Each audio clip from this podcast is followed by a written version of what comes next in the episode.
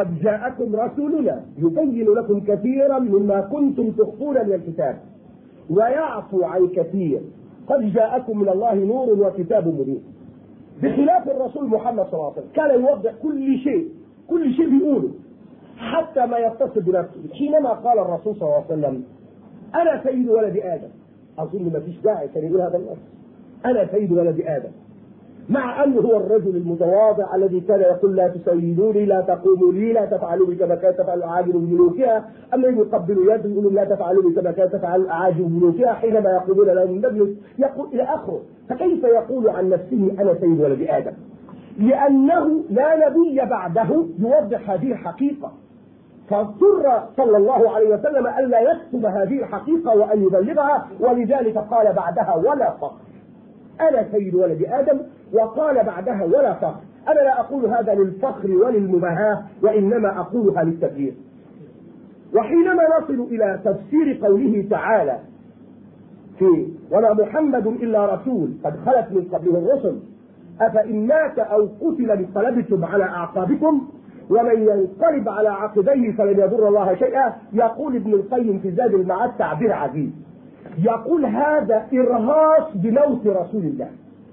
سبحان الله مع أن هذه الآية نازله في العام الثالث للهجرة. في حادثه أحد في غزوه أحد ربنا نزل هذه الآية. الرسول ده له سبع سنين في علم الله لما يموت. ومع ذلك نزلت لتعويد الأمة أن رسولها سيموت. حتى لا تكون مفاجأة لها حينما يموت رسول الله صلى الله عليه وسلم. لأن ده رسول خاتم كل شيء لابد أن يقوله. أن يقول أما عيسى عليه السلام فإن الجزء الأخير من حياته وأحب أقول حاجة عن الأناجيل بالذات ودي يمكن هتيجي في كلامي حينما أبدأ في الحديث عن المسائل الدينية. إن كل الأناجيل اللي إحنا شايفينها دي بتتحدث عن حياة هو بيقول لك إيه؟ عنوان الإنجيل إيه يا أستاذ إبراهيم بالظبط؟ حياة يسوع المسيح. إنجيل؟ لا العنوان نفسه. حياة يسوع المسيح. فإذا الإنجيل ده عبارة عن ترجمة لحياة يسوع المسيح. مجموعة الأناجيل الأربعة وأعمال الرسل وما وليها من رسائل. كل هذا عبارة عن حياة المسيح. حياة المسيح اللي رصدت كان من المعتقد ثلاث سنين. كان من المعتقد إن حياة المسيح ثلاث سنوات في الرسالة. ثلاث سنوات. وكنا بنعتقد إن هو الفترة دي الاناجيل دي كلها بتتكلم عن حياة المسيح في ثلاث سنين. ثبت لدي في نص. ليس موجودا تحت يدي الآن وإنما سأقرأه عليكم حينما نتعرض للمسائل الإسلامية. أن الأناجيل لم تتحدث اطلاقا إلا عن الخمسين يوم الاخيره من حياة المسيح بخلاف محمد صلى الله عليه وسلم. الذي رصدت حياته لا أقول من يوم أن ولد بل وقبل أن يولد كانت كل حركة وكل سكنة وكل كلمة كل قومة وكل قعدة. كل فعل فعله مرصود ومكتوب بلغة واضحة ومسند بسند متصل إليه صلى الله عليه وسلم. لا يرقى إليه الشك وكل ذلك سنبينه وسنوضحه إن شاء الله في الليالي القادمة. المهم في الآخر أقول إن ما ذكره الله في القرآن الكريم ليس تنزيها للمسيح عليه السلام أنه أكبر من أن يطلب أبدا وإنما هو إقرار أولا للحقيقة ثانيا إدانة لليهود بأنهم تآمروا على المسيح واعترفوا بقتله وأنهم يدانون يوم القيامة ويحاسبون على أنهم قتلة المسيح وإن كان ظنهم قد خاب وإن كانت تصرف كانت تصرفاتهم كلها قد باءت بالفشل بل شبه إلي إليهم وجعل الله سبحانه وتعالى شبه المسيح على المتآمر وأنا لا أقطع بهذا المتآمر. هل هو يهوذا الاسخريوطي أو غيره؟ قد يكون يهوذا الاسخريوطي قد يكون إنسان آخر. المهم أنه شبه عليه بالموضوع وإنهم لفي شك منه ما لهم به من علم إلا اتباع الظن وما قتلوه يقينا. وإني كمسلم لا أستطيع أن أقطع أن الشبه ألقي على يهوذا أو غيره لأن هناك أيضا خلافات في الرواة الكنسيين عند الرواة الكنسيين. هل ألقي الشبه على يهوذا أو أن أحد الحواريين استدى بنفسه المسيح. أو أن أحد الأعداء المسيح الآخرين القي الشبه عليه؟ لأن هناك البعض يبرئ يهوذا ويقول انه من الحواريين وانه من المخلصين وأنه مش حرام. لأن الراجل اللي كان ماسك الخزانة مش معقول يكون على 30 فضه وإحنا بنقول لهم يا جماعة إذا كنتم مصرين. ودي كلمة أخيرة إذا كنتم تصرون. على أن يهوذا الاسخريوطي أمين الصندوق أو وزير الخزانة خان من أجل 30 قطعة فضة. فعندنا سؤال أخير. إذا كان من الممكن أن يخون يهوذا من أجل 30 فضة ليسلم المسيح أفليس هناك احتمالا عقليا واردا أنه من الممكن لإنسان آخر أن يأخذ رشوة من أجل أن يهرب المسيح أو من أجل أن يستر المسيح؟ ممكن هذا. بل أليس هناك من يأخذ رشوة لإخراج جسد المسيح وتسليم جسد المسيح كل هذا ممكن. اذا هناك شبهات حول الموضوع من كل جانب كما رأيتم عشرات الشبهات. تظل الموضوع. وبعدين تعالى الدين كله سبحان الله. دين كله يدور حول مسألة الصلب. أهذا هو الدين وإله. ينزل الأرض. ليه نازل ليه؟ بيقول لك جاي يفتش على الرسل. بقى وأنت فوق مش عارف الرسل كانوا بيعملوا إيه؟ وبعدين الرسل بتبعتهم ليه؟ وبعدين إله نزل الأرض نعمل به إيه؟ نقلد إله إذا كان الله سبحانه وتعالى رفض لنا أن نقلد ملاكا. وقال لك إن الملاك له قدرة خارقه مش زيكم. لابد البشر يأكل مما تأكلون منه ويشرب مما تشربون. ويعيش نفس الظروف يمرض ويموت ويجوع ويبول ويتغوط. بشر مثلي. له زوجة وله ذرية وله زوجات وله ذرية. يعيش نفس الطبيعة البشرية ثم تكون له شرائع يقوم هو بها وبتنفيذها اولا وتكون له سنن يقوم هو بتنفيذها اولا ثم أتبعوه في كل ذلك. فإذا كان الذي يتصرف أمامي الها يقول لي اصبر لأني أصبر. أقول له أنت إله. ولذلك ربنا يقول قل لو كان في الأرض ملائكة مش الهه ملائكة يمشون مطمئنين إذا لنزلنا عليهم من السماء ملكا رسولا. والبشر استغربوا أن يكون الرسول بشرا. والله سبحانه وتعالى بين لهم أن بشرية الرسول ليمكن اتباعه وليمكن التعلم منه. أقول قولي هذا وأستغفر الله لي ولكم وأعوذ بالله أن أذكر به وأنساه. ونلتقي في الغد في الساعة السادسة إن شاء الله. ووفق. والسلام عليكم. آه الساعة وصلى الله وسلم وبارك على محمد وعلى آله وأصحابه أجمعين. يقول الله سبحانه وتعالى وعز وجل أعوذ بالله من الشيطان الرجيم. واذكر في الكتاب مريم إذ انتبذت من أهلها مكانا شرقيا فاتخذت من دونهم حجابا فأرسلنا إليها روحنا فتمثل لها بشرا سويا. قالت إني أعوذ بالرحمن منك إن كنت تقيا. قال إنما أنا رسول ربك لأهب لك غلاما زكيا. قالت أن يكون لي غلام؟ ولم يمسسني بشر ولم أك بغيا قال كذلك قال ربك هو علي هين. ولنجعله آية للناس ورحمة منا. وكان أمرا مقضيا. فحملته فانتبذت به مكانا قصيا فأجاءها المخاض إلى جذع النخلة. قالت يا ليتني مت قبل هذا وكنت نسيا منسيا. فناداها من تحتها ألا تحزني. قد جعل ربك تحتك ثريا وهزي إليك بجذع النخلة. تساقط عليك رطبا جنيا. فكلي واشربي وقري عينا. فإما ترين من البشر أحدا فقولي إني نظرت للرحمن صوما فلن أكلم اليوم إنسيا فأتت به قومها تحمله قالوا يا مريم لقد جئت شيئا فريا يا أخت هارون ما كان أبوك امرأ سوء وما كانت أمك بغيا فأشارت إليه قالوا كيف نكلم من كان في المهد صبيا. قال إني عبد الله آتاني الكتاب وجعلني نبيا وجعلني مباركا أينما كنت. وأوصاني بالصلاة والزكاة ما دمت حيا. وبرا بوالدتي ولم يجعلني جبارا شقيا. والسلام علي يوم ولدت ويوم أموت ويوم أبعث حيا. ذلك عيسى ابن مريم. ثم يقول الله سبحانه وتعالى في الآية الثامنة والثمانين من السورة نفسها من سورة مريم وقالوا اتخذ الرحمن ولدا.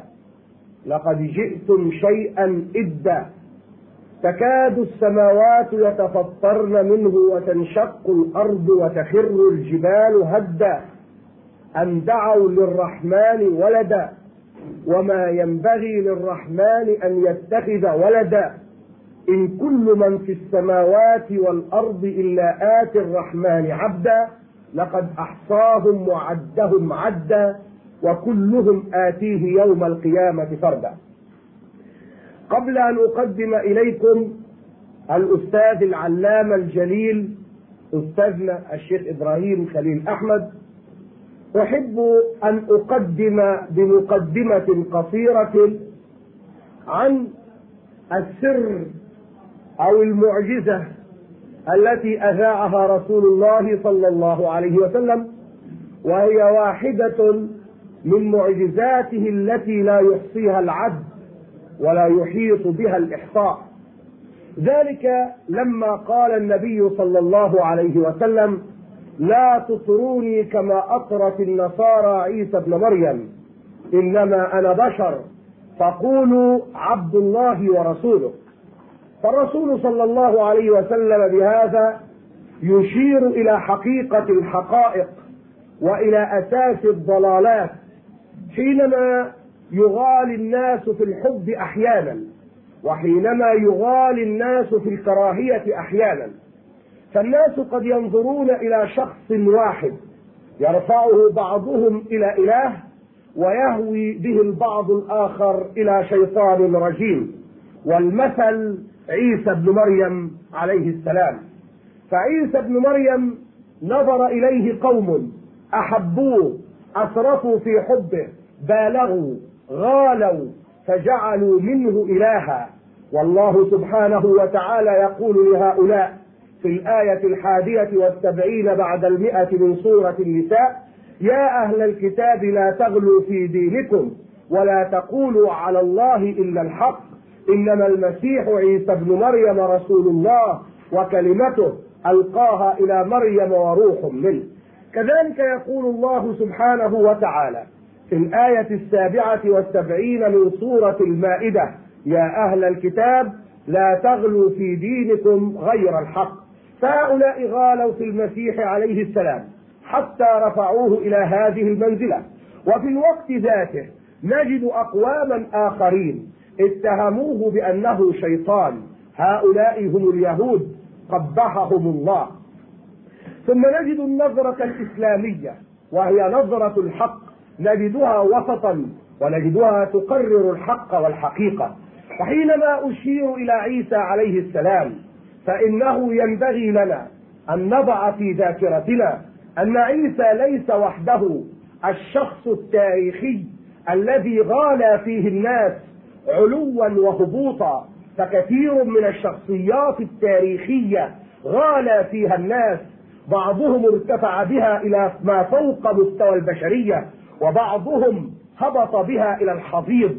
فعلي بن أبي طالب رضي الله عنه وبرأه غالى فيه البعض حتى ادعوا أنه إله وسجدوا له وحرقهم رضي الله عنه بالنار. في الوقت ذاته نجد أن جمهرة من الناس كفروه ولعنوه وخرجوا عليه والحق والحقيقة في علي غير ذلك.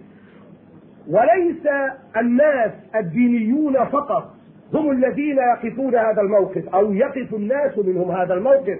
فعيسى رجل دين وعلي أيضا كذلك. ولكن نجد أيضا رجال الدنيا يرتفع بهم الناس إلى ما فوق مستوى البشرية أحيانا.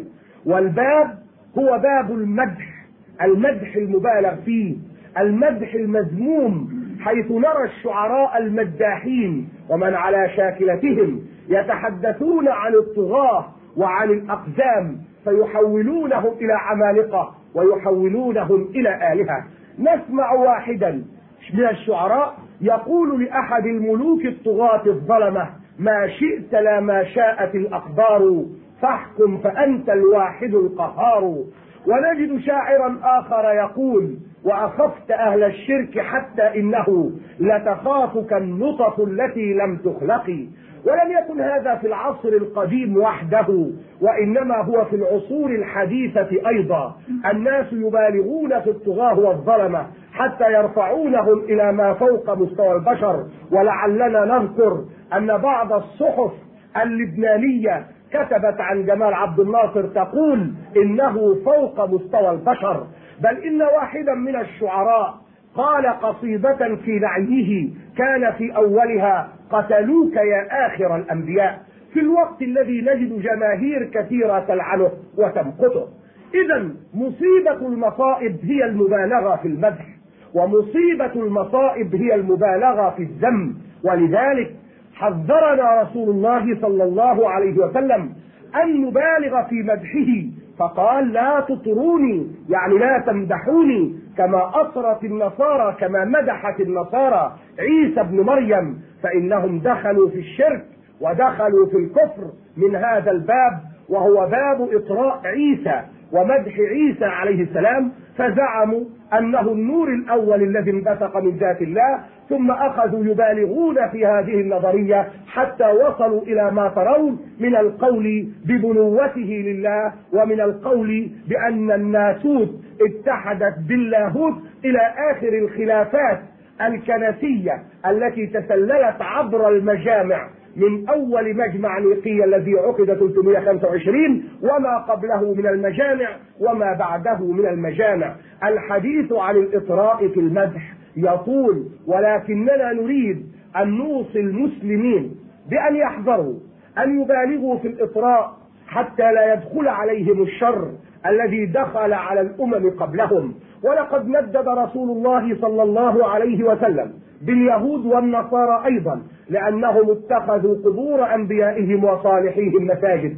ففي آخر وصاياه صلى الله عليه وسلم كما تقول أمنا المبرأة عائشة رضي الله عنها تقول لما نزل برسول الله صلى الله عليه وسلم يعني مرض الموت طرح طفق يطرح خميصة على وجهه حتى إذا اغتم بها كشفها وقال لعن الله اليهود والنصارى. اتخذوا قبور أنبيائهم وصالحيهم مساجد كان يحذر ما صنعوا.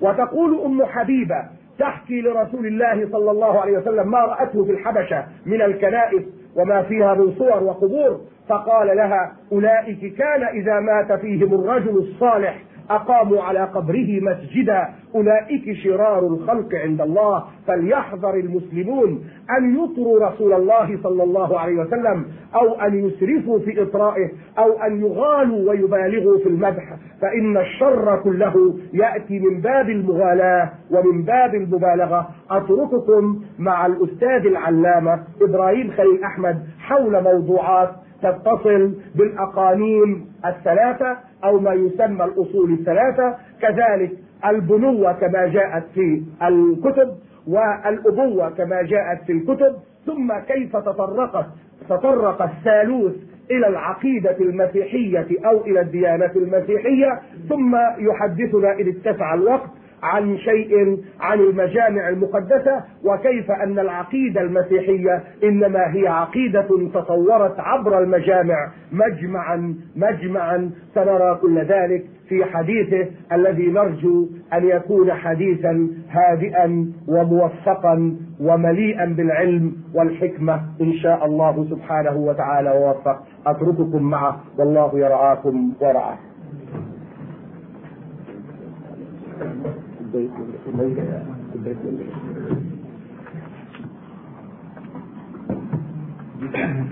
الله الرحمن الرحيم. الحمد لله رب العالمين والصلاة والسلام على سيدنا محمد وعلى آله وصحبه أجمعين. يضطرني الموقف باعتبار أنني كنت أحد القساوسة السابقين وقد هداني الله إلى الإسلام. أن أمهد للكلمة بمدخل موجز أبناء الشباب إخواني وأحبابي سعادة الملحق الديني لسفارة المملكة السعودية. أنني أرى في هذا اللقاء بشرى طيبة بادية في صفاء أبنائنا وتقصيهم للحق عملا بتوجيهات السيد المسيح الذي يقول وتعرفون الحق والحق يحرركم. وإنني أرجو الله سبحانه أن يبارك هذه الخطوة النبيلة والطيبة مما يدفعني بكل الصدق والأمانة أن نتباحث في الدين مستعينا بما جاء في التوراة وفي الإنجيل وفي القرآن الكريم. ولقد أنبأنا موسى عليه السلام بهذا كله حيث قال في سفر التثنية اصحاح 33 عدد واحد واثنين وهذه هي البركة التي بارك بها موسى رجل الله بني إسرائيل قبل موته. قال جاء الرب من سيناء وأشرق لهم من من سعير وتلألأ من جبل فاران وحينما نتأمل في هذا النص نجد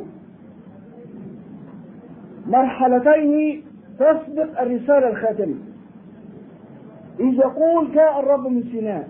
فسيناء تشير إلى جبل سيناء الذي التقاه موسى حين كلم ربه. وسعير تشير إلى أرض فلسطين التي وضعت التي زال فيها المسيح عيسى بن مريم.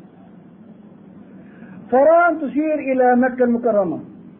وسيأتي الحديث عن هذا تفصيليا في حين إن شاء الله.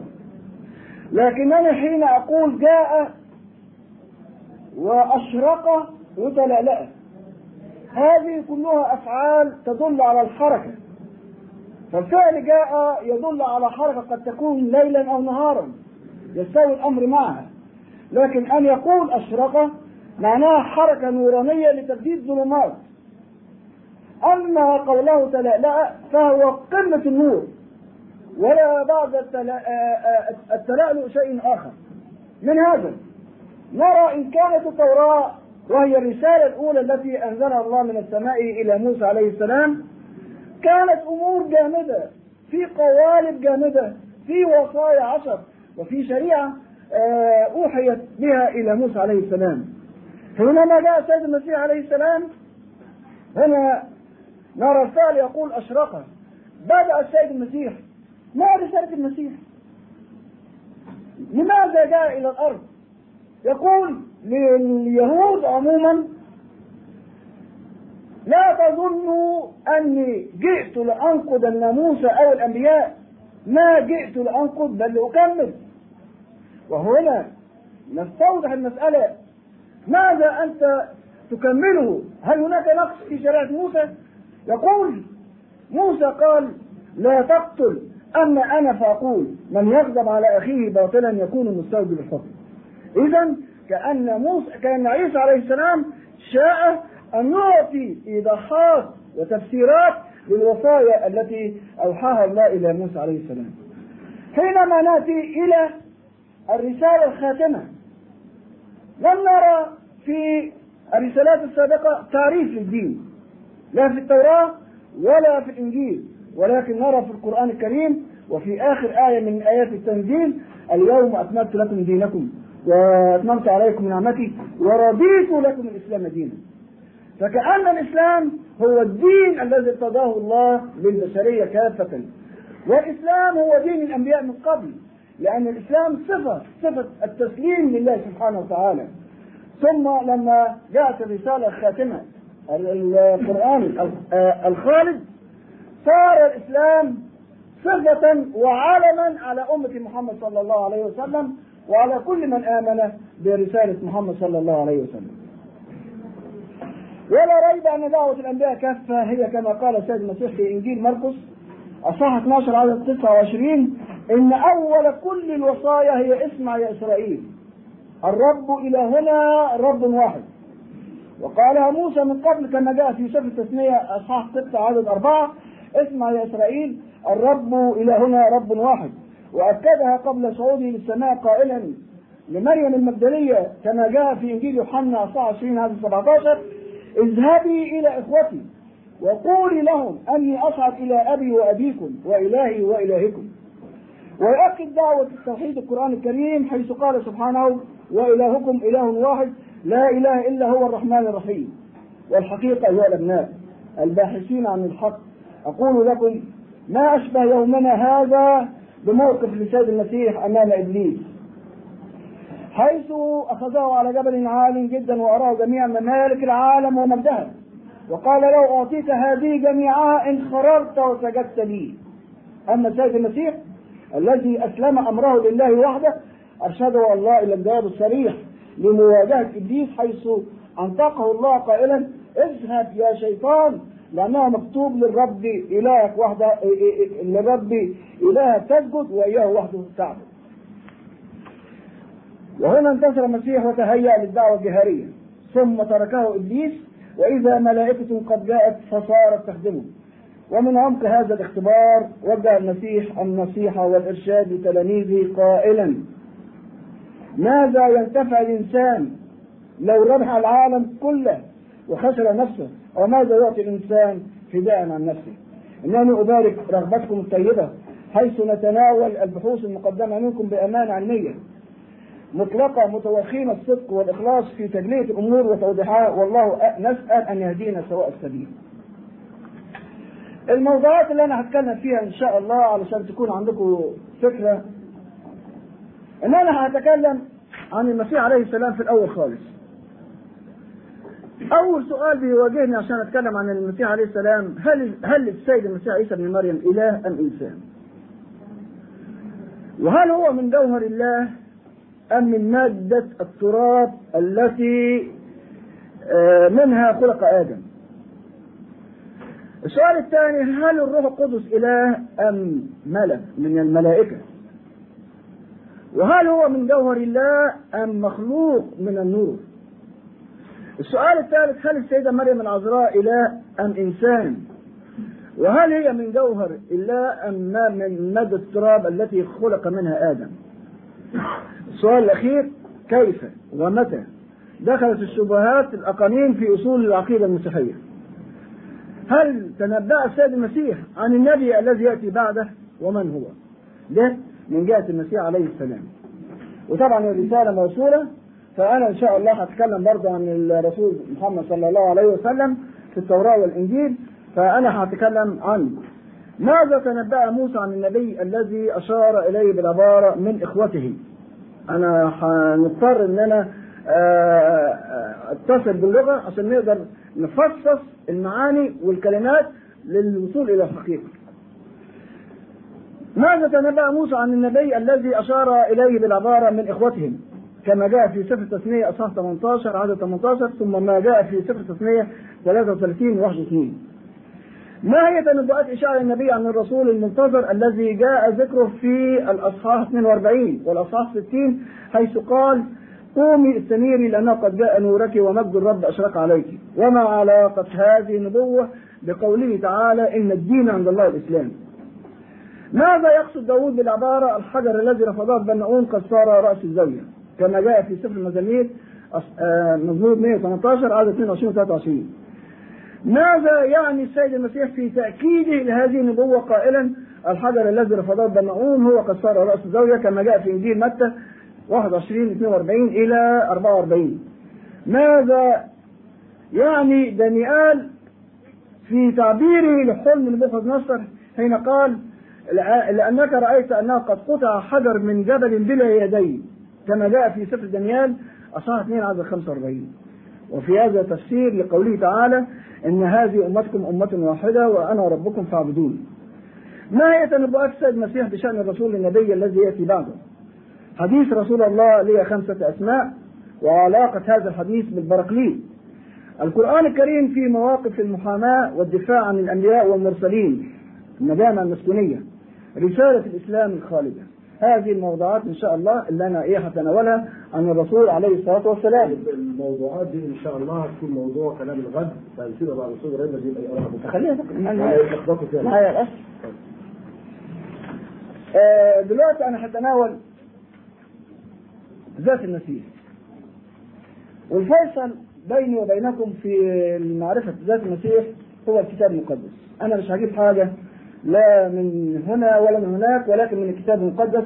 وعايزين نشوف بالظبط ال- ال- ال- آه، الوضع كما ينبغي اللحم اليهودية في أيام هيرود الملك. إذا مبوس من المشرق قد جاءوا إلى أورشليم قائلين أين هو المولود ملك اليهود؟ فإننا رأينا نجمه في المشرق. ده بالنسبة للولادة بتاعته. وقبل كده في إنجيل برضه متى آه، أصح آه، واحد عدد 18 أما ولادة يسوع المسيح فكانت هكذا. لما كانت مريم أمه مخطوبة ليوسف قبل أن يجتمعا وجدت حبلى من الروح القدس. ده اللي جه في إنجيل متى اصحاح آه، واحد آية 18 لما نيجي أنا برضو في إنجيل متى آه، آه، واحد إنجيل لوقا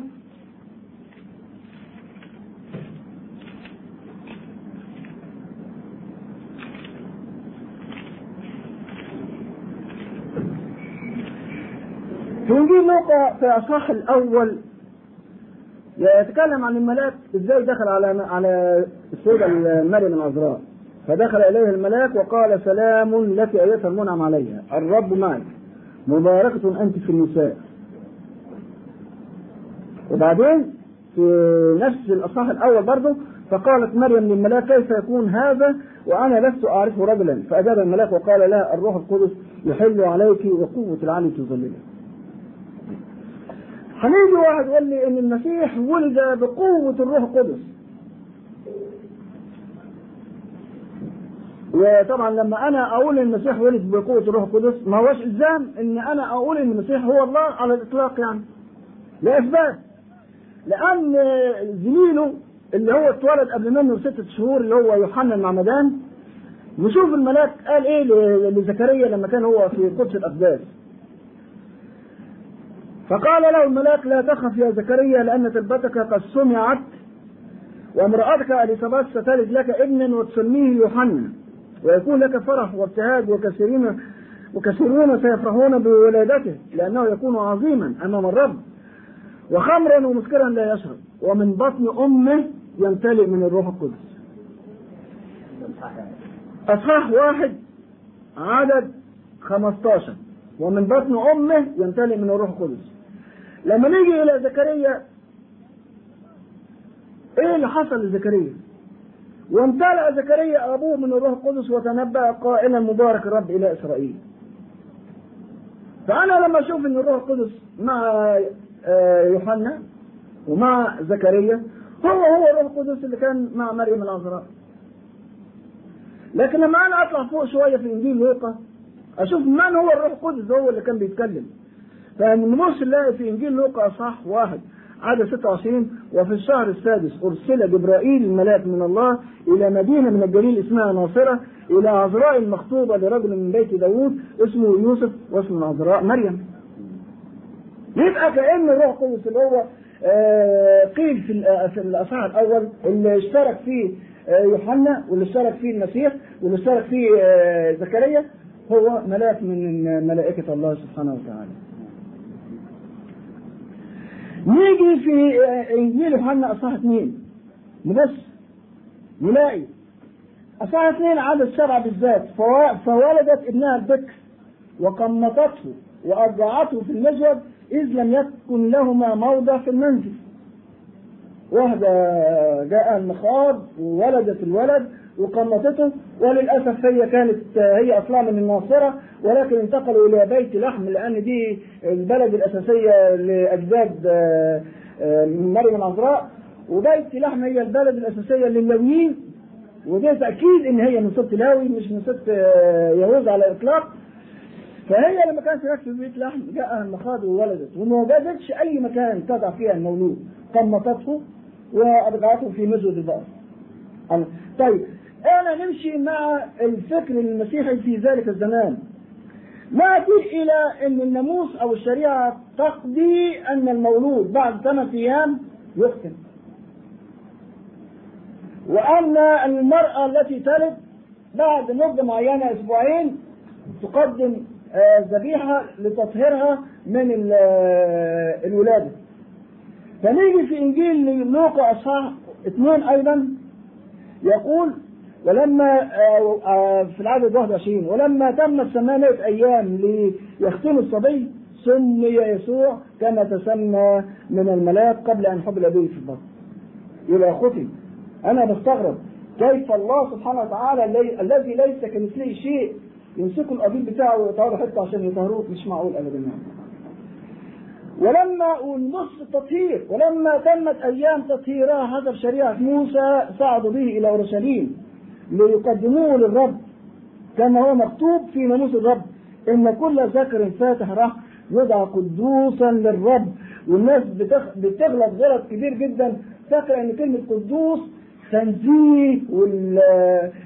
والقداسة؟ مفهوم القدوس عند الإسلام غير مفهوم القدوس عند اليهودية. لأن قدوس أو بمعنى آخر قداسة اللي هي كلمة قاداش باللغة العبرية معناها فرز أو تمييز.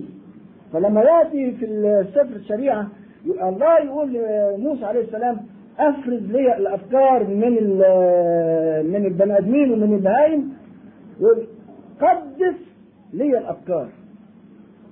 قدس لي الأفكار يعني افرز فهنا لما أقول لك قدوس معناها إيه؟ الابن المميز الابن البكر الابن المميز أو البكر مش الثاني أو الثالث أو الرابع.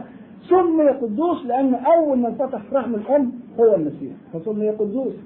فمعنى كلمة قدوس مش معناها كلمة إن هو الله المنزه عن الخطيئة أو أي حاجة من هذا الخبيث دي كلمة عبرية معناها التمييز والفرز. كما هو مكتوب في ناموس الرب أن كل ذكر فاتح راح يدعى قدوسا للرب ولكي يقدموه ذبيحة كما قيل في ناموس الرب.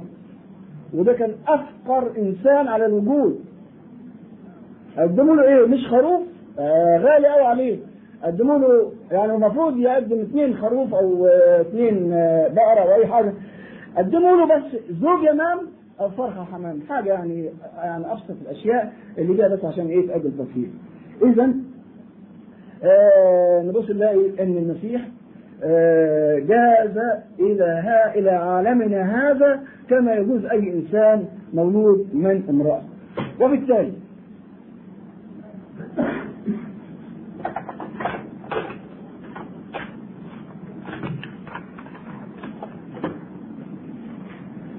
وبالتالي نؤكد تمام التأكيد أن المسيح عليه السلام لم يكن من جوهر الله. ولكنه كان من جوهر الإنسان. ولد من مريم العذراء. ولد ممن خلقت من تراب كما خلق آدم بالتمام.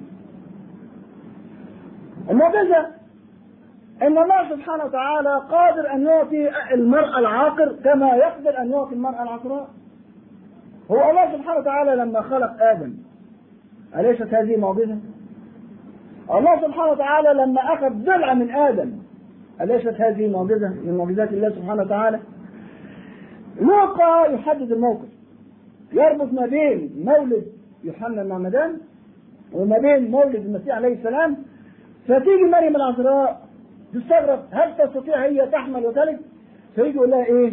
آدي الكلام من إنجيل لوقا أصحاح 34 اصحاح واحد عدد 34 إلى عدد 37 هنقرا أنا الجزء ده هو لأن ده مهم جدا.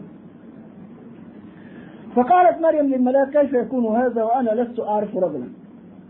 فجاء الملاك وقال لها الروح القدس يحل عليك وقوة العالم تظللك فلذلك أيضا القدوس المولود منك يدعى ابن الله وهو اليصابات نسيبتك هي أيضا حبلى بابن في شيخوختها وهذا هو الشهر السادس لتلك المدعوة عاقرا لأنه ليس شيء غير ممكن لدى الله. إحنا في القرآن الكريم بيقول إيه؟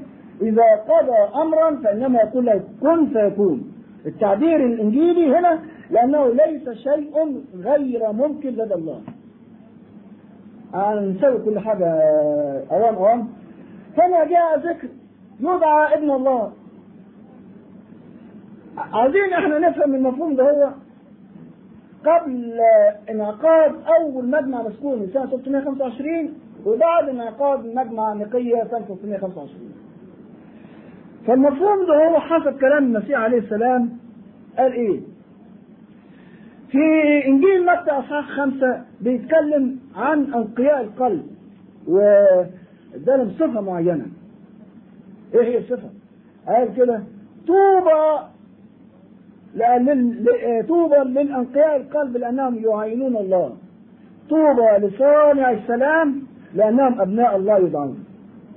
يعني كأن كل إنسان بيجري في الخير ده يعتبر ابن الله.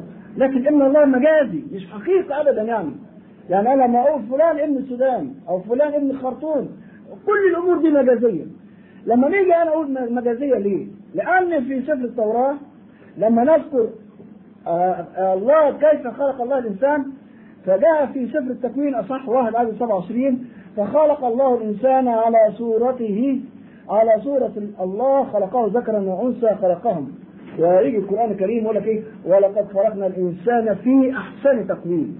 التعبير القرآني أجمل وأقيم من التعبير بتاع التوراة. إن هو بيقول خلق الإنسان على صورة الله. طبعا ما فيش أجمل من صورة الله إذا كان لله صورة وإحنا نقدر نقول إن الله ليس كمثله شيء على الإطلاق. فننفي الشبه وننفي المماثلة لله سبحانه وتعالى. نيجي أيضا إلى سفر التوراة. لما يجي الله يكلم موسى يقول له اذهب إلى فرعون وقول له أطلق ابني بكر. منتظر شوية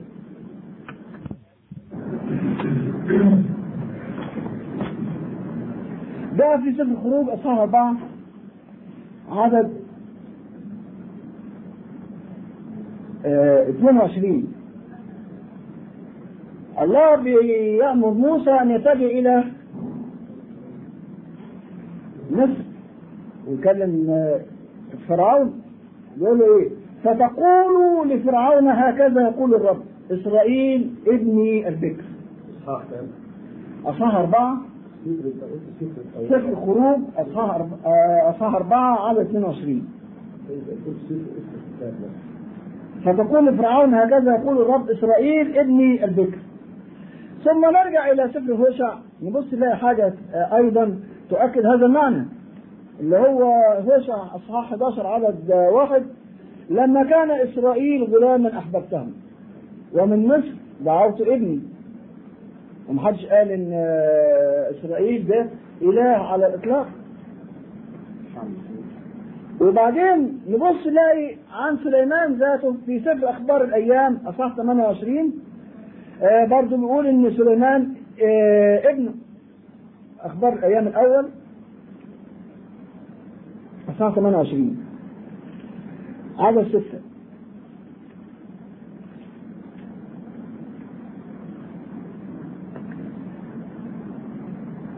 وقال لي إن سليمان اب... وقال لي الكلام ده لداوود عليه السلام. وقال لي إن سليمان ابنك هو يبني بيتي ودياري لأني اخترته لي ابنا وأنا أكون له أبا. لأني اخترته لي ابنا وأنا اكون له ابا محدش قال برضه إن سليمان كان إله على الإطلاق وبعدين لما نيجي إلى المسيح وهو يمر في الأطوار اللي مر فيها كل يهودي في إنجيل متى اصحاح خمسة آه في وقت. في وقت المعمودية انجيل متى اصحاح ثلاثة عدد 17 هو طبعا عاوز أفهمك المعمودية إيه معنى المعمودية؟ المعمودية هو إن الإنسان يعني يعترف بخطاياه ويعترف إن هو آثم ويجي عند يحيى بن زكريا ويخش نهر الأردن عشان خاطر يعمده بالماء رمز للطهارة ولعودته إلى الوضع اللي هي اللي هو اتولد فيه من بطن أمه. ففي إنجيل متى اصحاح 3 عدد 17 بيقول إيه؟ فلما اعتمد يسوع اعتمد يسوع الله منزه عن إن هو يكون في خطية بالمرة. فلما اعتمد يسوع صعد للوقت من الماء. وإذا السماوات قد انفتحت له فرأى روح الله نازلا مثل حمامة آتين عليه. وصوت من السماوات قائلا هذا هو ابن الحبيب الذي به سرر وبرضه نبص نلاقي في موضع آخر في إنجيل متى أصحاح خمسة عدد عشرة أنا قلتها بتاع لأنهم أبناء الله يدعون في سفر التكوين. أكبر من كده حاجة في سفر التكوين أصحاح ستة عدد اثنين أصحاح ستة عدد اثنين آه بيقول كده آه آه أن أبناء الله أن أبناء الله رأوا بنات الناس أنهن حسنات فاتخذوا لأنفسهن فاتخذوا لأنفسهم نساء من كل ما اختاروا أن أبناء الله ده كلام ده في سفر التكوين. ومعنى كده إن أولاد آدم كلهم اللي هم يعتبروا أولاد الله ما نقدرش نعتبرهم آلهة على الإطلاق يعني. ف أختم بحاجة بسيطة عشان خاطر قدام مني أشياء كثيرة جدا نتحدث فيها. مت لوقا في في أصحاح ثلاثة بيقول كده بعد سلسله الأمثال اللي هو بيقولها آدم ابن الله. وهنا آدم ابن الله مكتوبة ألف ب نون. وآدم أولى إنه يقال عنه ان هو الله لأنه هو ابو البشريه ومع كل هذا ما حدش قال إن آدم اطلاقا هو الله. ده من جهه ابن الله فابن الله إن هو مجازي. وبعدين لما نيجي في المجامع وحيفندها القرآن يدحضها لأن المجامع اختلط عليهم الفكر والرأي. فاعتبروا إن الله حقيقة يوم ان جعلوا من مريم العذراء والدة إله في مجمع أفسس سنة 400 وكذا. نيجي إلى المسيح عليه السلام. نشوف. أولا أنا قدام مني المسيح نبي الله بنصوص كبيرة جدا جدا. وأنا يعني هقول كده في إنجيل مرقس وإنجيل لوقا وإنجيل يوحنا. ليس نبي بلا كرامة ده في إنجيل متى صح 13 عدد 54 إلى 58 إيه معناها دي هي؟ معناها أن المسيح عليه السلام كان في الجليل وكان بيزور أهله هناك في الجليل وبعدين هم قالوا أليس هذا ابن يوسف؟ أليست إخوته معنا؟ أليس كذا؟ أليس كذا؟ فهم يعني ما كانوش عندهم إيمان بيه إطلاقا وعلشان كده ما قدرش يعمل ولا معجزة ولا آية من الآيات وبعدين يجي يقول لك إيه خاتمة المطاف بتاعه لأن لي ليس نبي بلا كرامة إلا في وطنه وبعدين أنا عايز أقول حاجة إن الله قادر دائما لا يمكن أن يعجز فإذا كان المسيح هو الله فمهما كان استقبال أبناء وطنه بالازدراء وبالاحتقار لا يمكن أن يكون هذا حائل عن أن هو يجري معجزات. لكن أن هو يضعف ولا يجري معجزات دليل على أنه إنسان متأثر بالحساسية اللي هو كان له من موقف أهله عند استقبالهم به. أنا هقول في إنجيل مرقس إيه اللي جه في إنجيل مرقس؟ أصحاح ستة من أربعة وخمسة. ده حتى بلاش دي أحسن. أصحاح ستة أربعة وخمسة. أه هقول النص كله احسن عشان خاطر إيه نفهم المسألة ماشية إزاي. من واحد إلى ست. وخرج من هناك وجاء إلى وطنه وتبعه تلاميذه. ولما كان السبت ابتدأ يعلم في المجمع وكثيرون إذ سمعوا بهتوا قائلين من أين لهذا هذه؟ وما هذه الحكمة التي أعطيت له؟ حتى تجري على يديه قوات مثل هذه. أليس هذا هو النجار ابن مريم وأخو يعقوب ويوسي ويهوذا وسمعان أوليست أخواته ها هنا عندنا فكانوا يعصرون به فقال لهم يسوع ليس نبي بلا كرامة إلا في وطنه وبين أقربائه وفي بيته ولم يقدر أن يصنع هناك ولا قوة واحدة غير انه وضع يديه على مرضى قليلين فشفاهم. هذه المسيح وهو إيه في وطنه. نيجي في أصحاح لوقا أصحاح أربعة برضه من عدد 4 22 إلى 24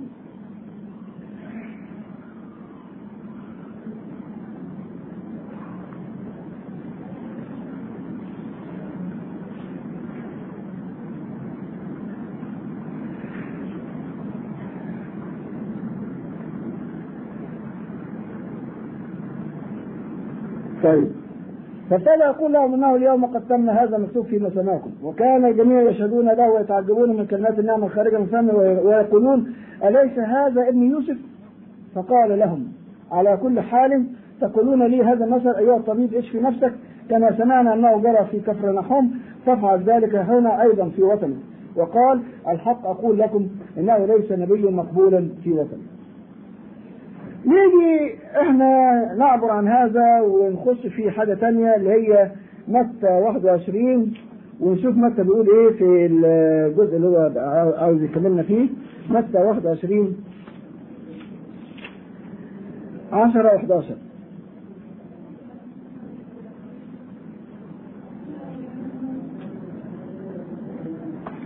ولما دخل ولما دخل المدينة ارتجت المدينة كلها قائلة من هذا؟ فقالت الجموع هذا يسوع النبي الذي من ناصرة الجليل وطبعا دول الناس الشهود اللي هم نقدر إحنا نستقي منهم الأخبار من هذا؟ هذا يسوع النبي الذي من ناصرة الجليل ما قالوش ابدا هذا الله المتجسد ولا الله المتأنس في المرض لما نيجي في إنجيل نوقع اصحاح سبعة من عدد 11 من عدد 11 بنشوف.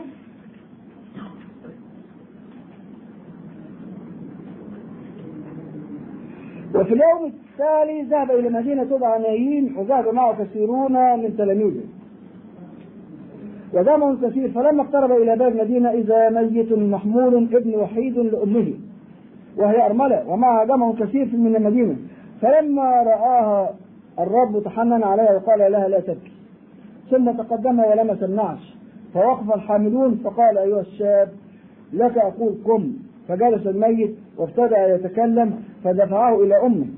فأخذ الجميع خوفا ومجدوا الله قائلين قد قام فينا نبي عظيم وافتقد الله شعبه. النقطة دي من أهم النقاط إن المسيح أقام ميت لكن أقامه بإن هو صلى إلى الله سبحانه وتعالى عشان عشان يعطيه التأييد. وبعدين لما أقاموا دفعوا إلى الناس. الناس عملوا إيه؟ ده أقام ميت. الناس عملوا إيه؟ قالوا كده. قد قام فينا نبي عظيم وافتقد الله شعبه. اليهود ما هيش أول مرة أن يروا النبي يقيم ميت. إطلاقا. لأن سبق قبل كده إيليا أقام ميت. وأليشع أقام ميت. بل مش أليشع بس عظام أليشع في القبر أقامت ميت. حسقيال أقام جيش من الموت. أي بخصوص مين؟ ده أنا أقولها لك بتمامها هي. في إيليا ملوك الأول.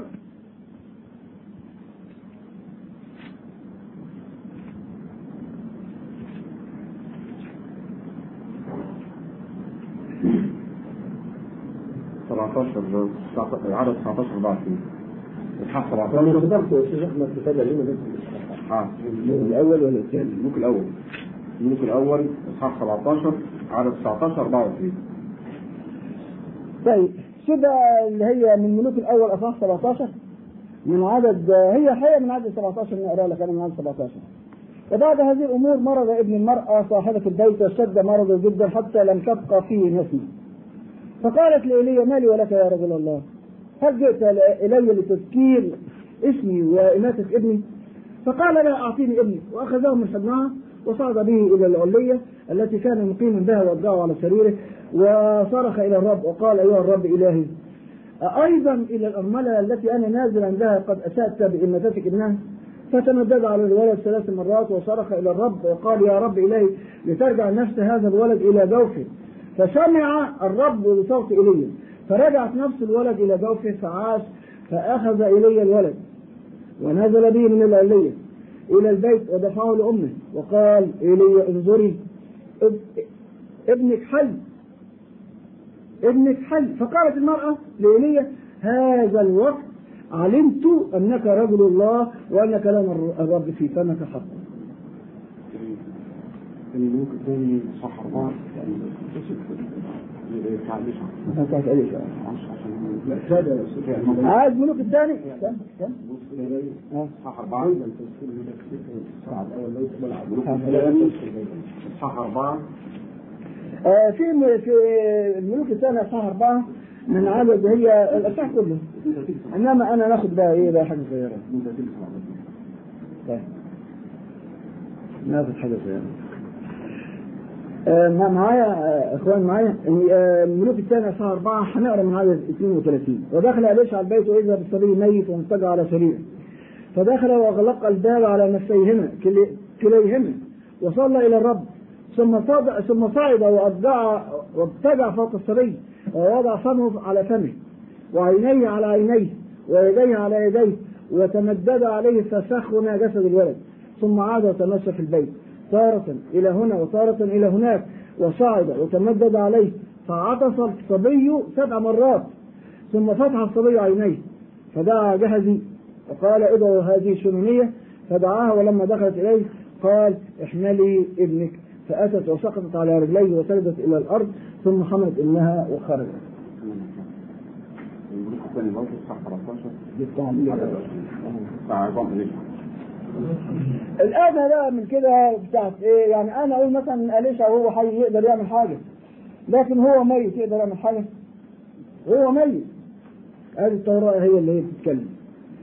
ومات اليشع ده أصح- الملوك الثاني اصح 13 من عدد 20 إلى عدد 21 ومات اليشع فدفنوه وكان غذاء مؤاب تدخل على الأرض عند دخول السنة. وفيما كانوا يدفنون رجلا إذا بهم قد رأوا الغزاة فطرحوا الرجل في قبر أليشع فلما نزل الرجل ومس عظام أليشع عاش وقام على رجله. هذه عظام أليشع أقامت منه. حسقيال اللي هو أقام جيش كبير جدا أنا أكتفي بهذا. نخلص عليها حسقيال نشوف حسقيال 37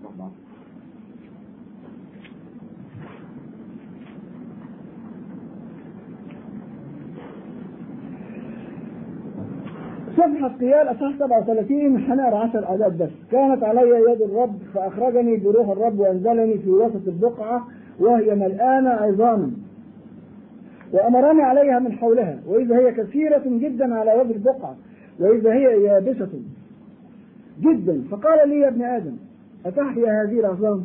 أجل السؤال من الله إلى حسيان قال لي يا ابن آدم أتحيا هذه العظام؟ فقلت يا سيد الرب أنت تعلم فقال لي تنبأ على هذه العظام وقل لها أيتها العظام اليابسة اسمعي كلمة الرب. هكذا قال السيد الرب لهذه العظام. ها أنا ذا أدخل فيكم روحا فتحيون وأضع عليكم عصبا وأسفيكم لحما وأبسط عليكم جلدا وأجعل فيكم روحا فتحيون وتعلمون أني أنا الرب. وبعدين إلى أن آه وصل في العدد العاشر فتنبأت كما أمرني آه كما أمرني فدخل فيهم الروح فحيوا وقاموا على أقدامهم جيش عظيم جدا جدا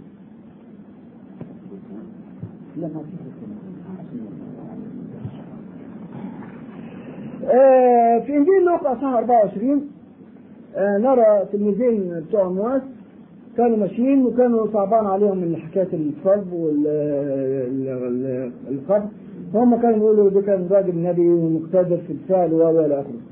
وبعدين برضه في انجيل يوحنا صح 6 نبص نلاقي يؤيد إن هذا بحقيقة النبي وكل ده عن المسيح نبي الله.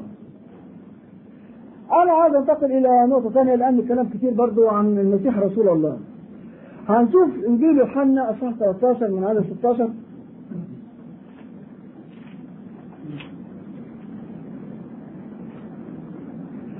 إنجيل يوحنا اصحاح 13 من عدد 16 ماذا يقول؟ الحق الحق أقول لكم إنه ليس عبد أعظم من سيده ولا رسول أعظم من مرسله. طيب لما نيجي برضه في إنجيل يوحنا أصحاح 8 عدد 39 و40 نشوف بيقول إيه؟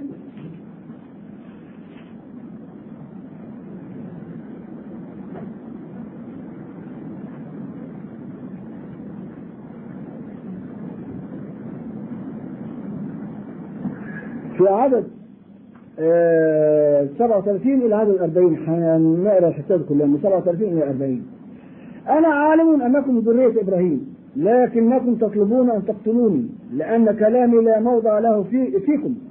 أنا أتكلم بما رأيت عند أبي وأنتم تعلمون ما رأيتم عند أبيكم. اجابوا وقالوا له أبونا هو إبراهيم. يا أخي أنا عاوز أشوف الجماعة دول مش عاوز اشوفك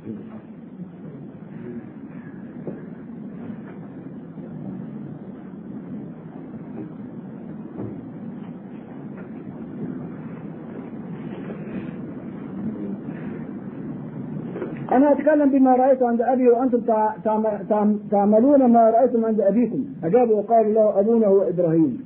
قال لم يسوع لو كنتم أولاد إبراهيم لكنتم تعملون أعمال إبراهيم. ولكنكم الآن تطلبون أن تقتلوني وأنا إنسان قد كلمكم بالحق الذي سمعه من الله. لاحظوا بقى هنا بيقول لك إيه؟ لو كنتم أولاد إبراهيم لكنتم تعملوا أعمال إبراهيم. أمال هم أولاد مين؟ هنيجي لتحت شوية. في برضه نفس إنجيل يوحنا صح 8 عدد آه، آه، 44 المسيح بيوجه لليهود قال لهم أنتم من أب. طبعا كل إنسان آه، من أب. ما فيش حد يقول كده من من شيء. أنتم من أب. هو إبليس. وشهوات أبيكم تريدون أن تعملوا. ذاك كان قتالا للناس من البدء